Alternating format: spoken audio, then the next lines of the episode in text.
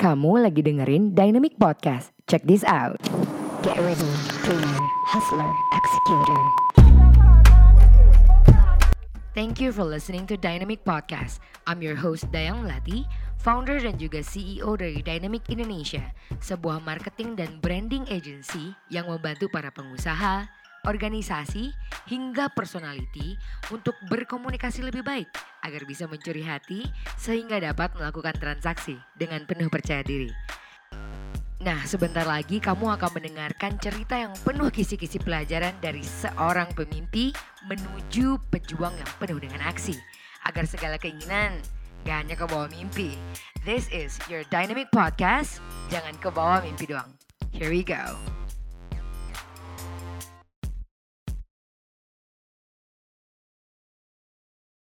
Hi, welcome back, people. This is Dynamic Podcast with your host Dayang Melati, and of course, this podcast is about jangan kebawa mimpi doang. We are always bring you cases with, uh, you know, with ambition, people yang yang udah benar-benar membuktikan bahwa dia itu nggak cuma ngomong doang dan nggak hanya kebawa mimpi doang. Jadi uh, untuk teman-teman semuanya, uh, please welcome our guest of the day uh, Bang apa nih aku manggilnya Koko aja kayak Ko Raymond Bonakapvi. Halo Koko, apa kabar? Halo semua teman-teman Dynamic. Halo Kak Hos. Apa kabar Aduh, juga? Kak Hos. Kenalin aku Dayang kok.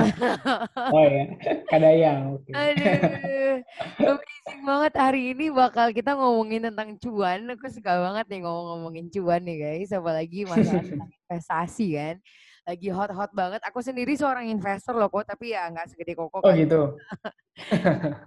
Biasa, juga Kecil Mungkin lebih gede malah. Waduh, aku aminin deh kalau gitu. so, uh, today kita akan ngobrolin tentang dunia investasi ya kok ya. So uh, pasti pada penasaran kan ya. Boleh kok kenalan dulu dengan Dynamic Nation yang ada di luar sana kok silakan. Oke, uh, selamat sore teman-teman Dynamic. Uh, perkenalkan nama saya Raymond. Saya sampai sekarang ini sudah menggeluti dunia investasi di pasar modal sekitar lima, ya hampir enam tahun lah ya wow. di pasar modal gitu. Okay. Jadi um, dulu sih awalnya masih ragu-ragu gitu kan mau uh -uh. investasi di pasar modal di awal-awal dulu karena emang pertama kali invest tuh setelah lulus kuliah. Tapi udah wow. udah belajar tentang pasar modal tuh dari pas kuliah kayak udah pernah dengar-dengar kan teman-teman yeah. pada invest di saham yeah, ya kan yeah. terus penasaran kan akhirnya belajar tuh dari buku terus ikut hmm. seminar-seminar mm. nah dari situ akhirnya kenal terus juga udah ngerti cara kerjanya barulah pas lulus kuliah itu baru mulai investasi di pasar modal gitu. Jadi uh, kalau teman-teman mau apa tagline istilahnya mungkin mengenal saya sebagai investor pasar modal yang uh, apa yang memulai karir di pasar modal itu sejak lulus kuliah mungkin gitu kan. Wow, wow, that's Dan, amazing. wow. Dan mm -hmm. ya, ya terus gimana ya, Dan? Lanjut. Lu. Duh, emang nih si Dayang nih, kok biasa Anda. Uh, aku banyak banget sih sebenarnya yang pengen aku obrolin kok, karena yang kayak uh, boleh cerita dikit kok tentang ini dulu bona bonakafi.com itu apa? Oke. Jadi pada awal tahun 2020 kemarin gitu kan, mm, yeah. uh, sempet ngeliat kan kok nggak nggak awal banget sih kayak sekitar bulan April ya. Tuh ngeliat kayak kok kayaknya orang antusias banget ya investasi di saham gitu kan Akhirnya ngelihat kayak teman-teman yang tadinya nggak pernah investasi saham, mm-hmm. mulai ya kan investasi iya. saham. Yeah. Terus apa uh, orang-orang yang tadinya bahkan nggak tahu sama sekali gitu kan, mulai masukin duit ke saham gitu kan. Terus yeah. mikir kan, kira-kira kenapa sih gitu kan?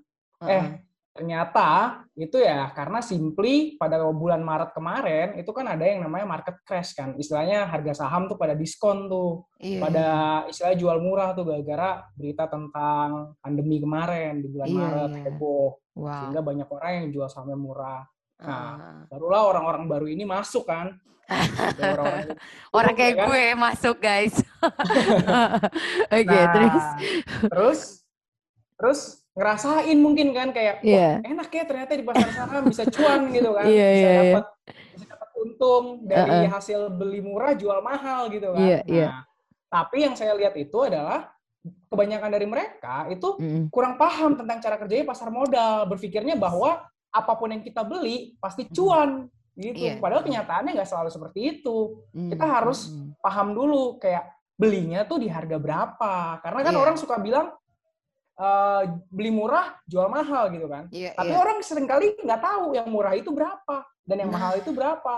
Nah, gitu. Makanya awal mulanya dari situ. Makanya waktu itu awal mulanya saya bikin cuma konten di Instagram doang kayak Iya, ngebahas tentang saham. iya. Awal mulanya Instagram saya isinya cuma follower saya, teman-teman saya doang. gitu Iya, kan. iya. Uh, uh, uh. Nah, tapi seiring berjalannya waktu karena ya saya juga pelajari algoritma Instagram gitu kan. Iya, iya. Akhirnya mulai banyak juga yang follow berdasarkan apa yang saya post gitu kan. Iya, Akhirnya mulai banyak yang follow terus komen terus akhirnya iya.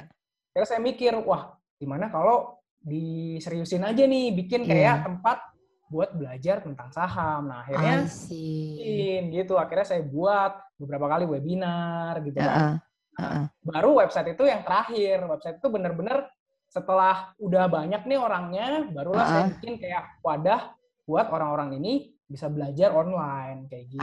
Jadi nggak perlu nunggu webinar dulu. Jadi istilahnya bisa belajar kapan pun di apa di website yang saya sediakan itu. Wow, guys, ini dia teknopreneur, guys. Aku nih lihat-liatin websitenya, subhanallah, keren banget. Kok, oke, so I Iya. call you Koko aja lah ya, biar biar biar asik Boleh, gitu. Raymond, apa? Lu biasanya panggil apa sih? Pakai lu gua aman kan ya? Eh, kalau ya kalau sama adik gue dibilangnya Koremon sih. Raymond karena ya. apa? Ya karena eh, nyokap gua atau ibu gua itu emang eh, apa? Keturunan Chinese ada keturunan Chinese nya makanya dipanggilnya ko. Tapi eh, sebenarnya kalau dari bapak atau bokap itu ini orang Batak sebenarnya. Jadi Oh, oke. jadi ada ada juga ada juga yang manggilnya bang Oh, I see. tapi no, saya ini punya punya marga gitu Eh, apa oh enggak enggak aku pengen tanya deh tapi di ini di di di di di di, di, di, eh, brand eh, personal brand lu dipanggilnya apa tuh Hmm, biasanya sih bang aja sih, bang bang. Atau ya. ya atau tapi beda-beda sih ya. Tapi kalau kayak di Instagram ada juga yang suka manggil ko. Mungkin karena mata gue sipit kali. ya. refleksinya ya Gitu. bun. Gila gila gila. Oke oke. Oke gue manggil kok aja dah. Mata lu sipit Ya, loh. ya. Astagfirullahaladzim. sorry sorry guys. Sorry guys. Bercanda.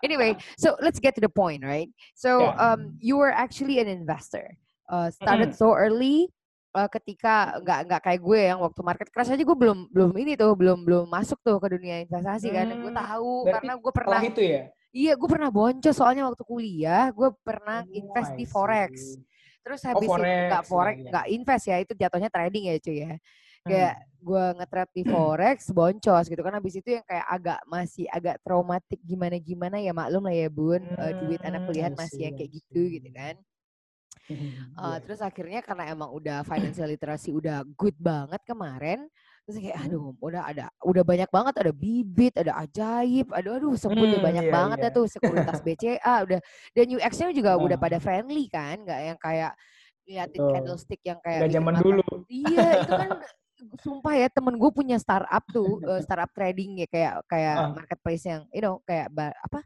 broker brok apa di broker kan ya and he was like he was Hmm. cuan like crazy because like he just know how to Hmm. read it gitu loh yang kayak okay dude like I'm serious I'm not kidding." tapi kalau menurut lu nih eh eh, Kuraiman, eh, menurut lu dengan em, apakah menjadi seorang investor itu adalah untuk everyone honestly Oke. Jadi menurut gua Heeh. investasi itu untuk semua orang.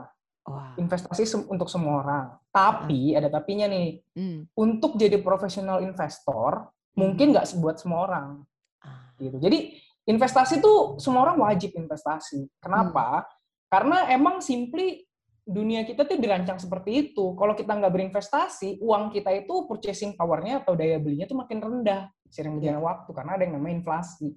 Iya. Nah, simply kalau kita nggak investasi, uang yang kita kumpulin nih kemakan waktu gitu. Jadi emang investasi buat semua orang. Tapi ada tapinya Hmm. kalau mau investasi yang benar-benar serius gitu ya, yang kayak Iya. misalnya menargetkan eh, apa imbal hasil yang di bawah eh di atas rata-rata sorry di atas rata-rata Iya. itu artinya butuh skill butuh mindset dan butuh apa ya istilahnya pengalaman kali ya karena Iya. nggak semua orang punya skill punya mindset dan pengalaman yang emang cocok buat jadi investor profesional gitu makanya Hmm. buat apa buat orang-orang yang emang awam dan yang emang lebih pengen investasi yang tanda kutip pasti-pasti gitu ya Iya. ada yang disebut dengan reksadana gitu kan Hmm, karena oke. reksadana itu kan eh, apa uang kita dikelola oleh manajer investasi orang yang Hmm. emang profesional yang udah yang udah ngerti lah udah paham lah istilahnya bagaimana mengelola uang ini supaya eh, imbal hasilnya itu bisa di atas rata-rata gitu. I see. Eh, tapi gue gua kan juga Mm. baru nih ya eh Mm-mm. eh, ke Raymond asik. Gue manggil Raymond aja ah. Eh, Iya iya. eh, apa tuh eh, gua- apa tuh namanya? What do you think about the all this uh, application from OJ yang udah di endorse sama OJK yang udah you know like Hmm. eh ajaib, eh, bibit, terus eh, ya aku yang Hmm. ingat itu doang. Prob- Probably ada yang lain gitu kan istilahnya ya. Um, w- what are the the roles menurut lu di dunia investasi? Apakah itu worth it untuk orang-orang yang pasif investor kayak gue atau gimana menurut lo? Menurut gue ada sisi positifnya sih. Sisi Hmm. positifnya adalah eh dia itu karena promosi kan ya kayak Iya. bibit, terus juga Stockbit dan teman-temannya yang lain juga Iya. ada bentuk kayak investasi peer to peer juga ya kan. Itu Iya, kan juga heeh. salah satu media. Nah, Mm. menurut gue bagusnya sih dengan mereka ini promosi sehingga bikin orang jadi sadar gitu akan pentingnya investasi bahwa Hmm. kita tuh emang butuh investasi. Bahkan menurut gue pribadi yang memulai setelah kuliah, kalau Iya. gue bisa mengulang waktu gitu ya, gue mau mulai bahkan pas SMP mungkin. Misalnya mulai belajar tuh pas SMP. Karena Iya. menurut gue investasi itu setelah gue sadar, investasi itu Heeh. temennya cuma dua, ilmu sama waktu. Aduh. Kalau kita punya dua itu, Heeh. fix investasi mau mulai dari berapapun pasti Heeh. akan berkali-kali lipat hasilnya. Gitu. ya Jadi komponennya cuma dua ya, ilmu sama Mm-mm. waktu ya. ilmu sama waktu. Oke, oke, orang oke. orang suka berpikir bahwa yang penting duitnya banyak salah Hmm, duit banyak tapi kalau waktunya sedikit itu nggak akan berganda uangnya asik. tapi Iya, kalau waktunya panjang wah Heeh. itu benar-benar berganda banget uangnya kayak kalau teman-teman uh, dynamic di sini pernah baca tentang Warren Buffett itu Mm-mm, adalah mm-mm. salah satu investor paling hebat dunia kan Mm, mm, mm. nah berapa tahun dia investasi puluhan tahun kalau nggak salah dia Iya. udah lebih dari 60 tahun deh makanya uang tadinya cuma sedikit sekarang udah jadi miliaran US dollar gitu bahkan Iya. kemarin sempat nyentuh 100 billion 100 apa 100 miliar US dollar gitu kan. Mm, mm, mm, mm. itu bukan dalam waktu sehari dua hari gitu kan. Berpuluh-puluh tahun. Makanya waktu dan uang. Dan tapi menurut saya sih ada juga sisi negatifnya. Apa tuh? jadi itu tadi positifnya kan. Positifnya adalah menyadarkan orang-orang gitu kan. Hmm, kalau menurut gua sisi negatifnya adalah sering kali heeh. karena mungkin eh, emang emang cara apa ya emang cara kerjanya startup kebanyakan seperti itu sih karena kan gue juga Iya. pernah di startup ya. Iya, iya. istilahnya membuat sesuatu itu di gamification gitu kan seakan-akan tuh kayak sebuah game kayak ini tuh gampang gitu kan seakan-akan tuh gampang sehingga orang jadi karena karena dipromosiinnya seakan-akan tuh gampang jadi orang ngegampangin gitu kan Iya, iya. digampangin bahwa ya udahlah yang penting kayak gini-gini cuan gitu kan Padahal Mm-mm. kenyataannya ya nggak segampang itu kalau misalnya segampang itu semua orang jadi kaya dong ya kan Iya, iya, iya. gitu iya. makanya Mhm. makanya eh, yang yang yang salah satu sisi negatifnya menurut pendapat gua adalah eh, kurangnya edukasi gitu jadi Hmm, mereka benar meng- apa mempromosikan bahwa penting investasi tapi Iya. kurangnya edukasi bagaimana cara berinvestasi yang benar ah, sering kali sering kali kayak aplikasi-aplikasi itu membuat seakan-akan gini lo gampang, gini lo gampang, gak ada resikonya lo, gak ada resikonya lo, kayak gitu kan. Tapi kenyataannya Iya. namanya investasi pasti ada resikonya gitu Iya, kan. iya, iya. Oke, oke, oke. Ih, menarik anjir. Kelihatan banget lu. You you know your field very well, man. Like seriously. And you talk like really like a millennials. So, uh, I, I love the statement that you say that it's like a game gitu kan. Karena sekarang kan udah Hmm. pada pada gitu ya, pada songong kayak ijo dikit ya Hmm. HSG tuh langsung kan kayak instastorynya tuh anjir gue cuan Iya. gitu kan istilahnya. Biasa hijau pamer portofolio kan. Iyo, ijo dikit mau pamer gitu kan. Aduh. Em, nah, kalau menurut lu nih untuk teman-teman yang Heeh. baru early investor seperti ini gitu kan istilahnya. Em, Mm-mm. dan probably gue jujur gue juga juga ber, ber, ber, ber- apa ya bersandar atau juga pakai itu aplikasi gitu kan istilahnya. Karena because because of the UX it's so simple and I can handle it myself gitu. I- be- sampai sampai budget berapa sih kita bisa make platform tersebut yang dianggap cuan gitu? Atau we can use another platform beside of this gitu. Karena karena gue jujur ya Dynamic Nation yang dengerin ini, gue yakin juga mereka rata-rata portonya tuh sama kayak gue tau gak sih lo? Yang kayak pekerja ya udah gue invest dikit-dikit di sono gue coba gitu kan istilahnya. Ya duit gue juga Ah. segunung ya udah gue coba dikit ngambil blue chip blue chip gitu kan istilahnya. Nah ketika itu, itu yang lu omongin tuh bener bro jadi kayak berasa anjir ini asik banget gitu loh yang pas wah Mm. terus dengerin dengerin dengerin live-nya terus jadi yang kayak oh ternyata belajar, belajar sambil jalan gitu but I- Mm-mm. how long sih we can stay like this gitu until oh, how much Ya. budget gitu apakah 10 juta 100 atau gimana Oke, kalau pendapat gua sebenarnya tergantung tujuannya ya. ya oke Karena gini, karena ada orang yang emang tujuannya dari awal yang sering digembar-gemborkan juga kan, yang sering di apa bilang sama salah satu program BEI juga kan, nabung saham gitu kan. iya iya benar Nah, kalau emang eh, tujuannya dari awal mau nabung saham, ya menurut gua bahkan ya rutin gitu kan. Hmm. Emang kayak sisihin misalnya sebulan, sisihin misalnya eh, 20% dari gaji misalnya Iya, contoh. Atau ya ter- tergantung lah, pokoknya eh, kan setiap orang juga budgetnya beda-beda kan buat Iya. Karena emang kalau emang dari awal mau buat masa pensiun gitu kan, istilahnya Iya. emang persiapan buat hari tua, berarti Iya. ya ya emang dari awal mulai yang namanya nabung saham. Tapi kalau emang mau nyoba-nyoba dulu gitu kan, buat dapet feel-nya, istilahnya Heeh. buat dapet eh, apa? Gimana sih ini cara kerjanya sebenarnya saham gitu kan? Apa sih Iya. yang sebenarnya faktor-faktor apa aja sih yang mempengaruhi Hmm. harga saham gua gitu kan? Mm, mm, Kenapa harga saham tuh ada yang naik, ada yang turun gitu kan? iya iya iya kalau emang eh, tujuan awalnya cuma mau cari tahu dulu nih, kalau Mm. pendapat gue pribadi sih berdasarkan pengalaman gue juga ya, Iya. itu adalah benar-benar uang yang kalau ini hilang 100%, kita nggak ambil pusing.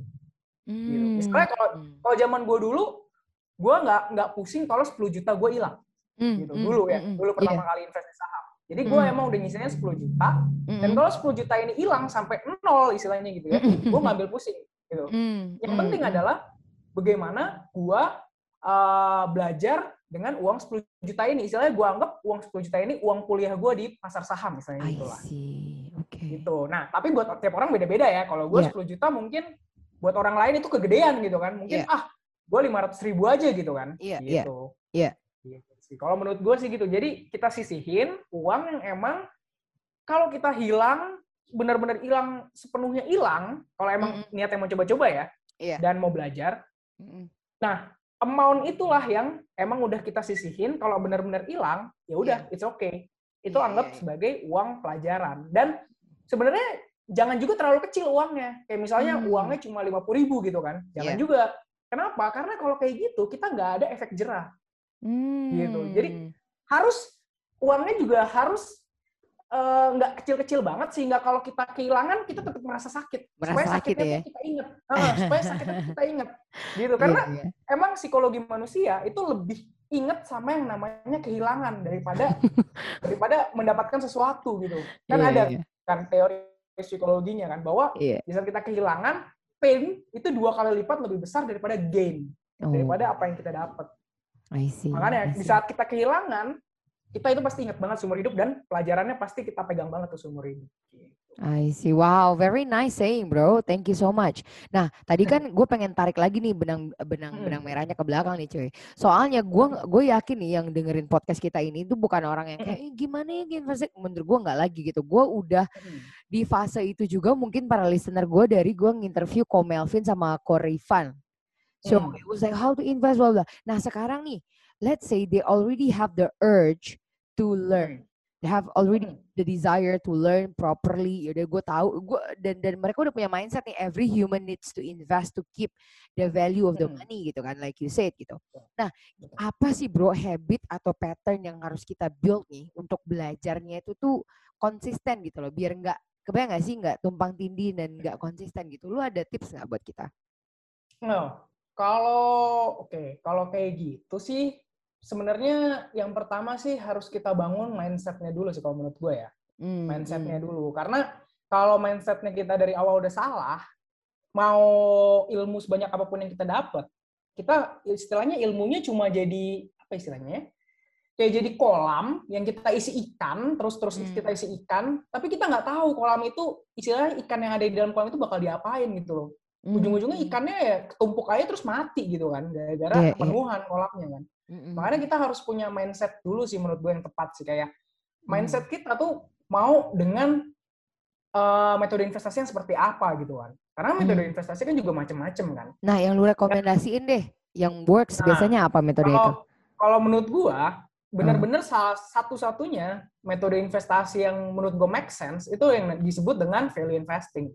Value investing. Bang Korifan juga pernah ngomongnya itu ya. Nah, Hmm. Orang suka salah suka salah kaprah tapi dengan value investing. Oke, I'm Orang suka mikirnya orang suka mikirnya bahwa value investing itu adalah invest di perusahaan yang secara valuasi itu murah. Tapi kenyataannya bukan. Kenyataannya itu bukan, bukan bukan soal valuasinya murah. Kalau kalau pernah teman-teman dynamic di sini pernah tahu PE ratio, PBV ratio gitu kan Mm, ada beberapa rasio harga yang suka orang lihat pada saat beli saham gitu kan. Iya. Nah, orang orang orang kebanyakan suka mikirnya yang namanya value investing itu adalah invest di perusahaan yang PE ratio-nya kecil, terus PBV-nya di bawah satu Oke. gitu. Suka mikirnya Itu kayak gitu, padahal kuliah. kenyataannya bukan kayak gitu. Hmm. Mm, padahal kenyataannya bukan kayak gitu. Jadi Oke. yang namanya value itu adalah apa yang kita dapat dari suatu perusahaan. Oke. Apa yang kita dapat? Ya bisnisnya. Itu Mhm. adalah value perusahaan. Bagaimana kita bisa menilai bisnisnya.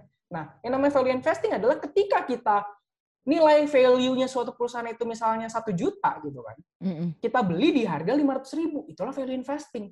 Tapi PE ratio-nya belum tentu kecil. Bisa jadi PE ratio-nya 20. Bisa jadi PE ratio-nya 30. Damn. Kenapa? Ya karena simply value perusahaan itu sangat besar sehingga Mm. mau dibayar PE ratio-nya 20 atau 30, tetap itu udah diskon.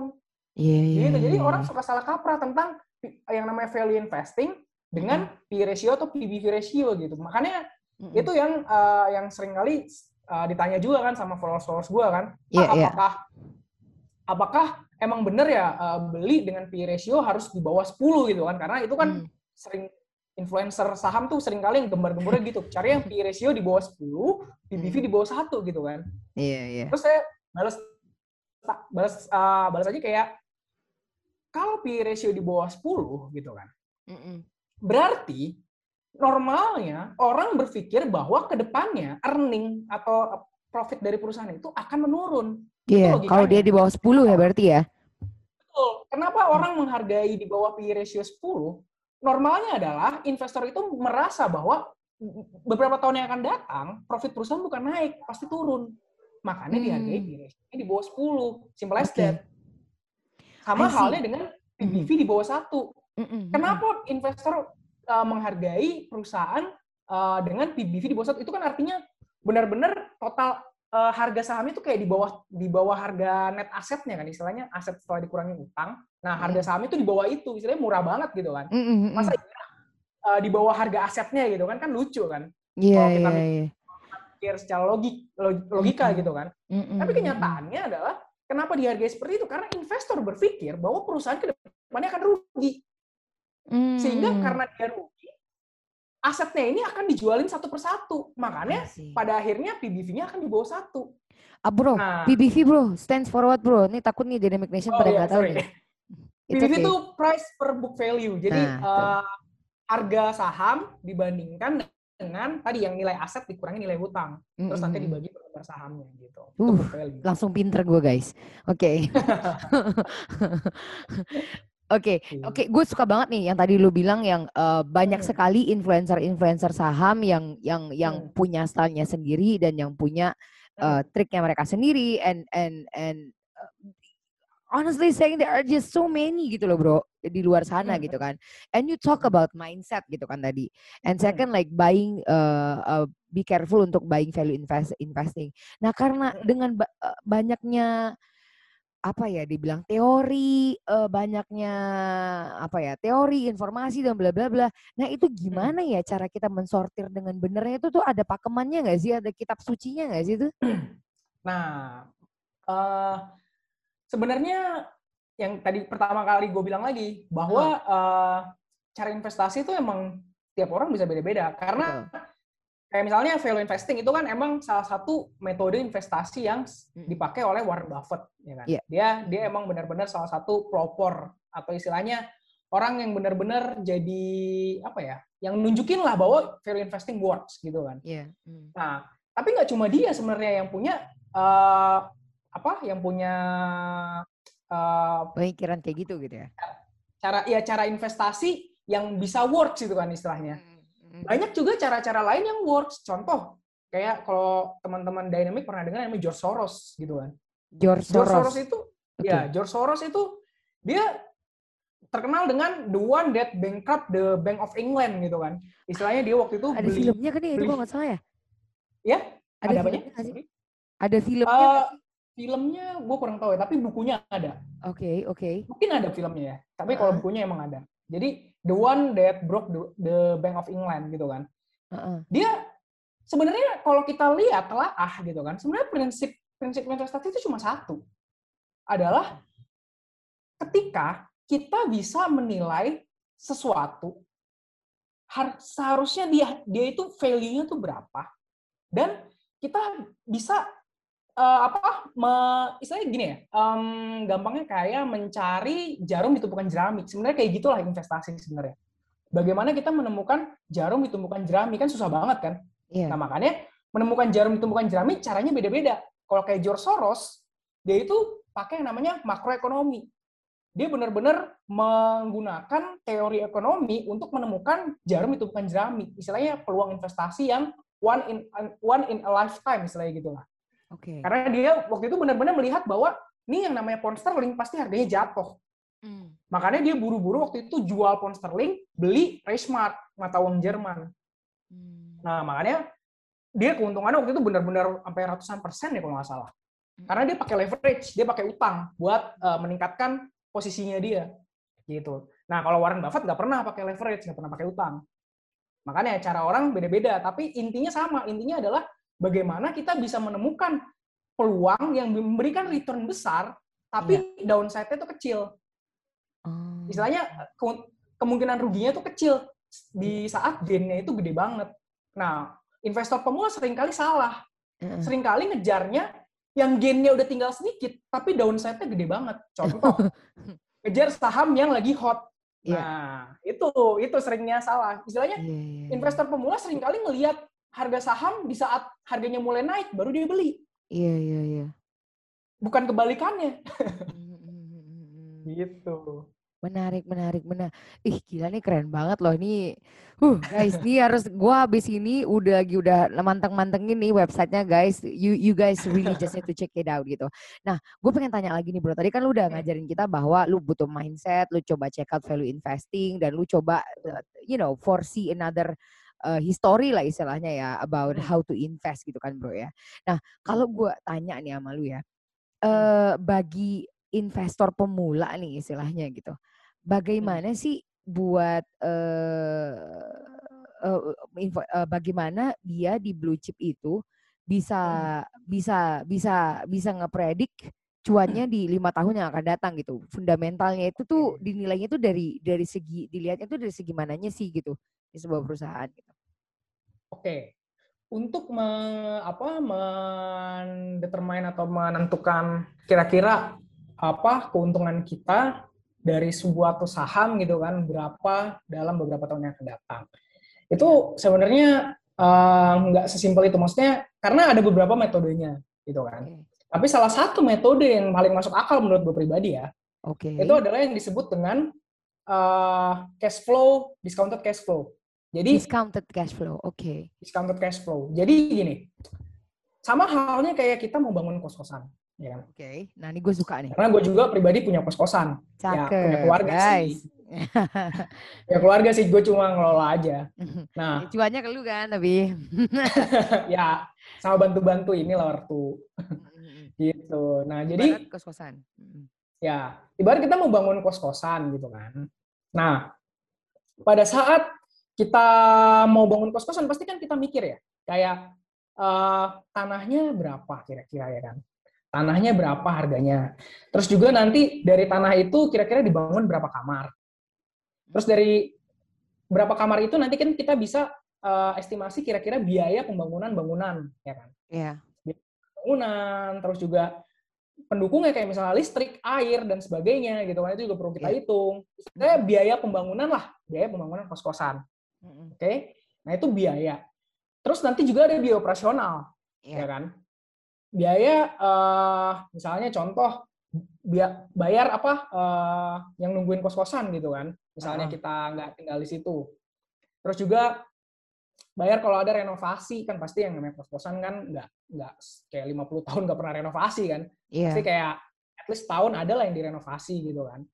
Terus juga bayar segala macam hal pendukung lah misalnya kayak internet, gitu. misalnya kos-kosannya kita mau kasih internet gitu kan, dan segala macamnya. Berarti kan kita harus pikirin yang namanya capex, capital expenditure itu yang dana di awal tadi kan, Oh, wow. Sama- Oke. opex kan, operating expenditure gitu kan.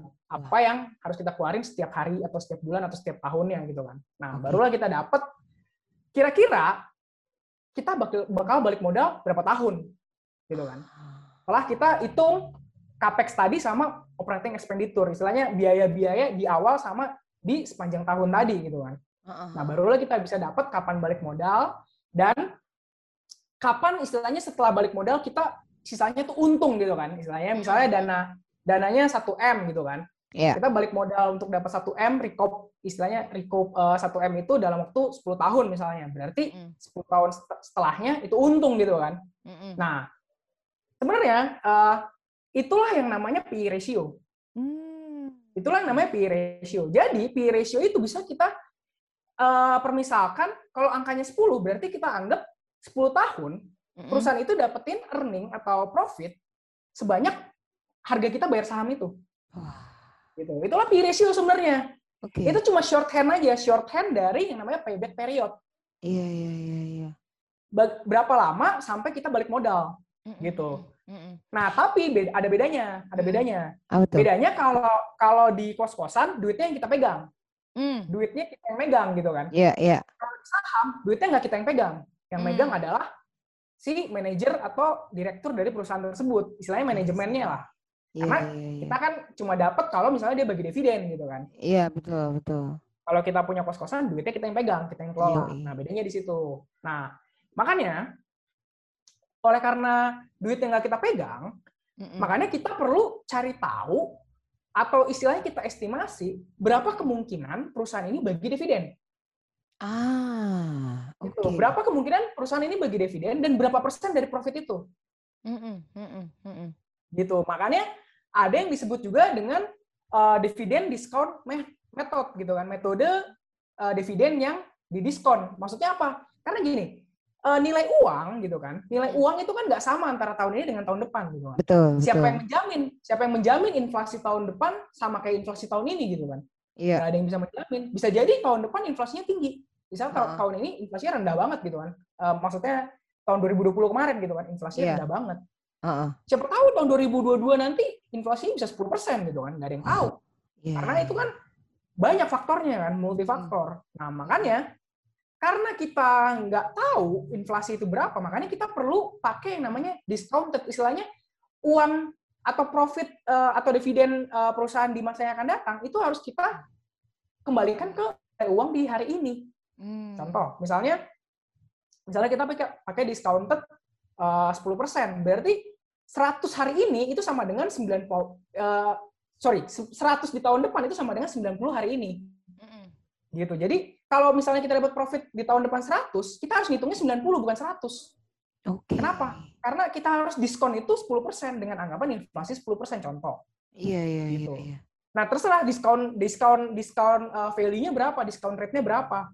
Tiap orang beda-beda. Biasanya kalau gua pribadi pakai diskon rate-nya 15%. Wow. Oke. Nah, barulah dari situ bisa balikin kan semua semua dividen yang akan perusahaan bagiin dalam waktu yang akan datang kan. Kita balikin tuh semua ke hari ini. Sampai hari H di mana perusahaan itu kira-kira tanda kutip mati gitu kan istilahnya Iya, nggak ada iya. lagi. Heeh. Karena yang namanya perusahaan kan nggak juga eternal kan istilahnya Iya. mana ada sih perusahaan istilahnya nggak nggak nggak nggak ada hari, hari akhirnya gitu kan pasti Iya, ada iya. hari akhir. Nah kita Hmm. estimate kira-kira berapa at least berapa tahun perusahaan ini akan bertahan. Contoh misalnya kita estimate kayaknya 40 tahun lagi masih ada deh di perusahaan gitu kan. Iya. Nah, kita estimate tuh profit perusahaan berapa, terus berapa yang dibagi dalam bentuk dividen. Gitu. Wow. Nah, kita balikin tuh semua ke hari ini. Barulah kita dapat tuh berapa sebenarnya harga yang perlu kita bayar di hari ini. Nah, itu kita ngomongin hari ini, ya kan? Nah, bagaimana dengan lima tahun yang akan datang? Sama sebenarnya konsepnya. Bedanya adalah uang yang tadi kan dibalikinnya ke hari ini. Iya. Kalau di kita mau kira-kira estimate harga sahamnya di lima tahun yang akan datang, ya sama aja konsepnya. Cuma kita balikin bukan ke hari ini, tapi ke lima tahun yang akan datang. Hmm. Gitu. Jadi dari tahun ke-40 yang akan datang, kita balikin angkanya ke lima tahun yang akan datang. Dapatlah Mm-mm. harga saham kira-kira di lima tahun yang akan datang itu berapa. Mm-mm, mm-mm, mm-mm. Jadi itu sih eh, apa eh, ya sebenarnya agak susah ya ngejelasinnya. Intinya Iya, iya. bagaimana kita ngejela eh, apa kita memprediksi atau memproyeksikan cash flow perusahaan Iya. selama beberapa tahun yang akan datang. Nah, terus diubah nilainya ke nilai hari ini atau ke tahun berapa di mana yang kita mau prediksi harga sahamnya kira-kira wajarnya berapa di tahun tersebut. Iya iya iya. Eh tapi ini tuh benar-benar yang kalau yang yang ya gua gua rasa mungkin ada sebagian yang kayak ngejelimet juga ya pas lu ngejelasin kayak gini. Tapi bagi yang Gua, Yang bener- tapi bagi yang benar-benar nginvest ini tuh yang kayak anjir ini lu emang literally udah i- udah lu bolak-balik ya tuh kayaknya buku saham ya. Kayaknya emang udah kayak makanan lu sehari-hari gitu istilahnya. Nah, Ya. bagi ini nih, Bro, apa sih pendapat tuh bagi ki- bagi-bagi orang yang eh kayak pengusaha gitu kan ya udah deh gua Hmm. ngasih ke broker gitu kan. Lu lu broker juga gak sih? Enggak, gue punya gue punya izin broker, tapi gue Ah. bukan broker. Oh, Jadi gue gua ambil sertifikasi kayak istilahnya gue bikin SIM, tapi nggak gue Hmm. pakai buat ngemudi gitu lah. Ah, Gue tapi I punya. SIM-nya. Gitu. Oke, mantap. Nah, kalau menurut lu nih, bagi teman-teman yang mungkin Dynamic Nation yang kebanyakan di sini adalah pengusaha yang gue gue yakin aware juga dengan investasi yang kayak gue jelasin ke lu tadi gitu kan istilahnya. Hmm. Nah, Hmm. itu tuh em, apa ya? Gue sampai lupa yang mau gue tanyain. Nah, mereka yang baru-baru mulai kayak gini nih, bro.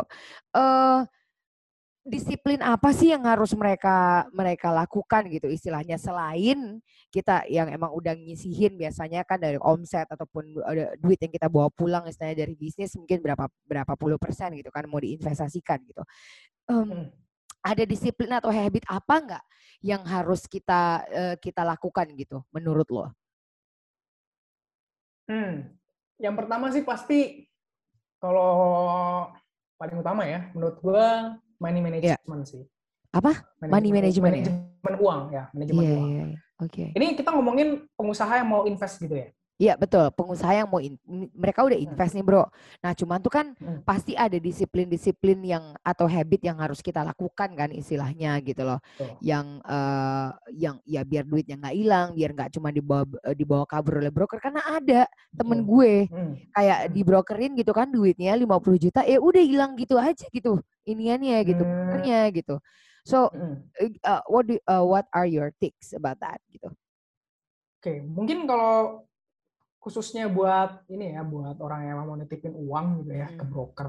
Iya. Saran gue sih emang kita harus ini sih, harus apa? Cek dulu eh, apa orangnya ya.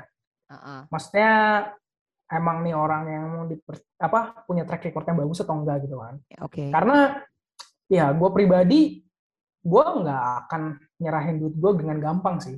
Oke. Bahkan bahkan istilahnya uh, ada temen gue misalnya yang emang gue udah kenal banget gitu kan ngajakin investasi, tetap gue due diligence dulu sih, istilahnya Ya. kayak bener-bener gue teliti dulu mau dipakai buat apa uangnya gitu kan, kira-kira imbal hasilnya berapa, terus downside-nya apa gitu kan, apa apa hal yang mungkin bikin gue istilahnya duit gue hilang gitu kan, pasti kan gue juga perlu pikirin itu kan, hal apa yang dapat membuat investasi gue itu nol gitu kan, Mm-mm. karena setiap setiap investasi pasti ada risikonya.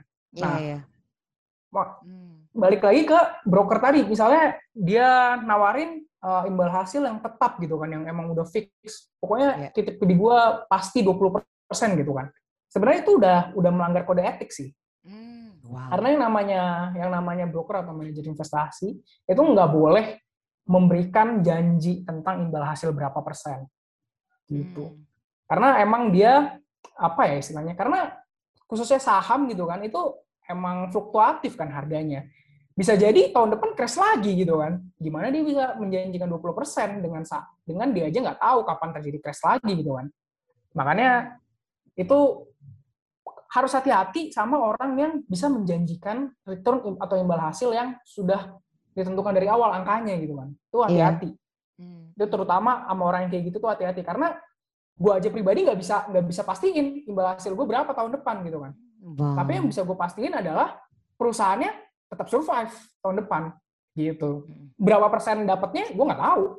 Gue cuma bisa estimasi, tapi gue nggak bisa mastiin gitu kan. Iya. Nah, Wow. hati-hati sama yang kayak gitu yang istilahnya uh, benar-benar convic, convic, conviction banget gitu kan kayak Iya.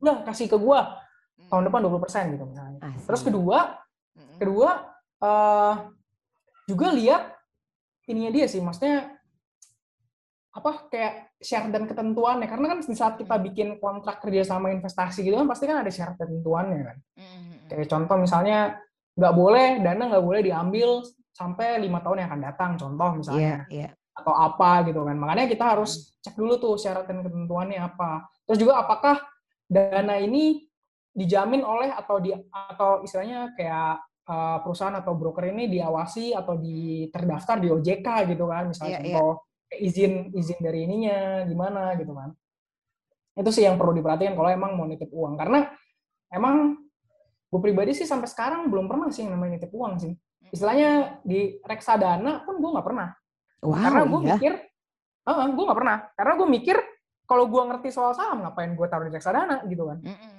Karena tuh reksadana ada fee fee manajemennya juga. Iya, iya. Istilahnya kalau kalau gue bisa ngasilin return yang sama dengan dia, fee-nya itu bakal motong return gue gitu kan. Hmm, Oke. Gitu. Makanya gue nggak pernah di reksadana. Cuma kalau emang orang-orang yang emang sibuk gitu kan, ya Mm. reksadana emang salah satu salah satu pilihan gitu kan. Cuma paling Mm. perhatiin track record si eh, apa pengelola reksadananya ini. Kalau emang pengelolanya punya track record yang bagus ya, kita bisa lebih tenang. Mm. Jangan- Karena gini, karena gue lihat eh, investor juga suka salah kaprah, suka Hmm. milih reksadana berdasarkan return terakhirnya. Mm, mm, mm, mm, mm. Salah. Berdasarkan, oke, oke, oke, oke. Pilihlah reksadana yang Heeh. returnnya tuh konsisten. Ah, Contoh, misalnya dia konsisten 12% per tahun, pilih yang kayak Iya. gitu. Selama misalnya 12% per tahun selama 20 tahun, pilih yang kayak Iya. gitu. Wow. Dibandingkan yang ngasilin return 80% tahun lalu. Oh, oke. Kenapa? Karena kalau ngatur ngasilin return 80% tahun lalu, kemungkinan besar tahun depan malah minus. Oh, gitu ya? itu Oh, makanya wow. counterintuitif emang. Iya, iya, iya. Orang iya. orang suka kejebak di jebakan kayak gitu. Istilahnya Heeh. ngelihatnya return tahun lalu benar-benar recency bias gitu kan. Iya, iya, Benar-benar iya. ngelihat yang baru-baru terjadi Heeh. dibandingkan track record yang panjang. Makanya gue prefer lihat track record panjang dibandingkan yang baru-baru terjadi. Gitu sih. I see. Wow, wow. Ini, ini, ini, ini info yang mungkin nggak ada di buku nih kayaknya nih. Yang kayak gini-gini nih guys. Thank you banget loh bro. Asik banget loh. Alright, so tadi kan lu ngomong lu, aduh nih Hmm. gue takut di-cut sama ini nih, eh Zoom nih. Em, kan lu tadi ngomong lu udah mulai belajar nginvest dari dana 10 juta waktu lu mulai kuliah gitu kan. Apa aja Lulus sih kuliah. habit yang, ah? Oh iya Lulus sorry, dari, lu- dari lulus kuliah kan ya. Eh, lu Betul. bisa ini nggak? Pertama mungkin rekomendasiin eh, buku Hmm. yang biasanya lu baca gitu kan. Terus atau eh, habit-habit yang lu lakuin gitu istilahnya ketika lu baru-baru mulai bisa di sharing nggak bro? Oke. Yang pertama kali gue lakuin dulu pas Hmm. memulai saham adalah bukan beli, Mm-mm. tapi ngeliatin. Really? Hmm, gue ngeliatin doang. Kayak Oke. bener-bener selama gue kuliah, tuh gue bener-bener nyoba bikin kayak di spreadsheet gitu atau di Excel gitu, Uh-uh. seakan-akan gue beli. Oke. Seakan-akan gue beli, gue bakal untung apa rugi. Itu yang selama selama empat tahun gue lakuin. Wow. Makanya setelah empat tahun gue baru dapat polanya, baru gue berani masukin duit beneran. Gitu. Dan itu pun masih ada kesalahan yang gue lakuin setelah setelah akhirnya masukin duit beneran. Makanya kembali lagi, pertama kali invest saham, usahain jangan jangan langsung all in gitu kan. Usahain Iya, iya. bener-bener value yang emang nggak apa-apa kalaupun bahkan hilang 100% gitu kan, anggap uang belajar. Nah, Iya iya iya. gitu makanya eh itu sih ngeliatin ngeliatin apa sih sebenarnya yang berpengaruh terhadap har- harga suatu saham itu yang Oke. dulu istilahnya selama empat tahun tuh gue pelajarin apa sih yang berpengaruh terhadap harga suatu saham. Dan Nih, apa bro? misalnya- temuin. Yang paling utama nih ya, earning, profit. Hmm. Itu yang paling utama. Itu paling utama berpengaruh terhadap harga suatu saham. Gitu. Banyak hal lainnya, cuma yang paling utama itu earning atau profit. Oke. Nah, ah, ah, terus terus. terus kedua, selama Mm. kuliah, Mm-mm. ini sebelum invest juga, Iya. gue sering banget emang baca buku yang ditulis emang sama praktisi. Kayak misalnya praktisi siapa ya? Siapa lagi kalau bukan Warren Buffett gitu Warren kan. Buffett iya. Iya, Warren Buffett pun sebenarnya nggak dia nggak pernah nulis buku. Hmm. Warren Buffett itu bukunya yang sering orang mungkin baca gitu kan apa The Annual Letter of Berkshire Hathaway itu cuma apa eh, laporan tahunan perusahaannya dia. Laporan Gitu, tahunan, jadi- oke. Jadi laporan tahunan itu dirangkum jadi satu buku. Gitu. Jadi itu Ah. sebenarnya buku Warren Buffett bukan dia yang nulis sebenarnya. Eh, sebenarnya dia yang nulis cuma yang ngerangkum bukan dia. Gitu. Jadi Hmm. tulisannya emang tulisan dia, tapi yang ngerangkum bukan dia, yang bikin jadi buku.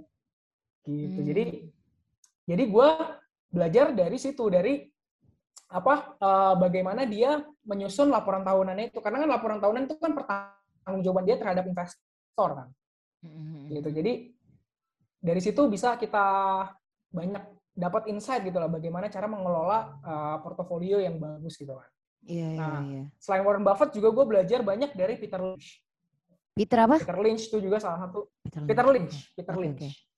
Mm-mm. itu bukunya eh, yang paling terkenal tuh One Up on Wall Street juga eh, ini sih eh, saranin sih buat investor pemula karena jujur itu bukunya lebih ringan daripada bukunya Warren Buffett Oh, oke. kalau Peter Lynch, bukunya ya. Warren Buffett tuh agak agak berat kalau buat orang awam Iya iya iya. tapi kalau iya. buku Peter Lynch tuh bener-bener ringan banget plus banyak lawaknya gitu kan makanya makanya makanya lebih lebih ringan gitu buat buat Mm. orang yang emang baru banget di apa di belajar saham nah I kalau emang udah baca dua itu, barulah ke yang lebih advance. Yang emang ini Hmm. benar-benar belajar bagaimana memvaluasi berbagai macam jenis investasi. Dan Hmm. menurut gue ini benar-benar buku wajib sih kalau emang mau serius ya. Mm, mm, mm, mm, Itu yang disebut dengan security analysis. Security Oke. analysis yang nulis itu adalah gurunya si uh, Warren Buffett, which is. Benjamin Graham. Benjamin Gitu, Graham. Benjamin Graham ini. Wow. Ya, Benjamin Graham ini istilahnya pelopor dari value investing. Makanya kalau kalau bilang value investing tapi belum pernah baca buku ini, bullshit sih menurut gua. uh, guys, cepetan baca ya. Benjamin uh, Benjamin Graham ya. Oke, fine, Iya. fine. Security analysis. Karena Security di situ benar-benar berat banget sih bahasannya. Benar-benar hmm. cara me- apa mendetek kalau misalnya ada kejanggalan di laporan keuangan. Hmm, Kayak banyak lah hal-hal yang nggak dipelajarin di kuliah gitu kan, kalaupun bahkan kuliah di bidang apa ekonomi misalnya. Iya. banyak yang yang yang nggak nggak ada di textbook tapi ada di buku itu. Oke. Oh my Sama God. ya kalau emang kalau emang udah udah baca buku itu gitu kan, bisa juga cari misalnya eh, mentor gitu kan, emang orang yang yang udah pengalaman gitu kan di bidangnya. Uh-uh. Uh-uh. Jadi kalau misalnya lagi kuliah bisa jadi kakak kelas yang udah pernah invest di saham gitu kan, yang udah bertahun-tahun Iya. gitu.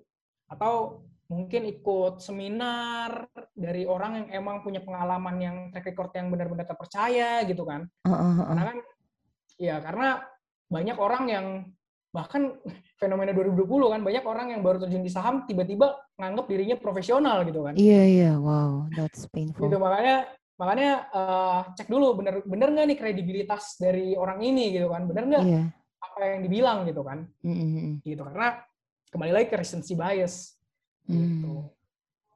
Nah, sama Wow. terakhir Mm-mm. udah jangan lupa mulai isihin uang buat praktek karena kalau nggak Hmm. praktek ujung-ujungnya sia-sia ilmunya Betul, betul banget, betul banget. Buat buat apa belajar eh, tunggang langgang eh, sampai ke kebalik dunia ini kalau nggak dipraktekin ya sama aja ya bro ya.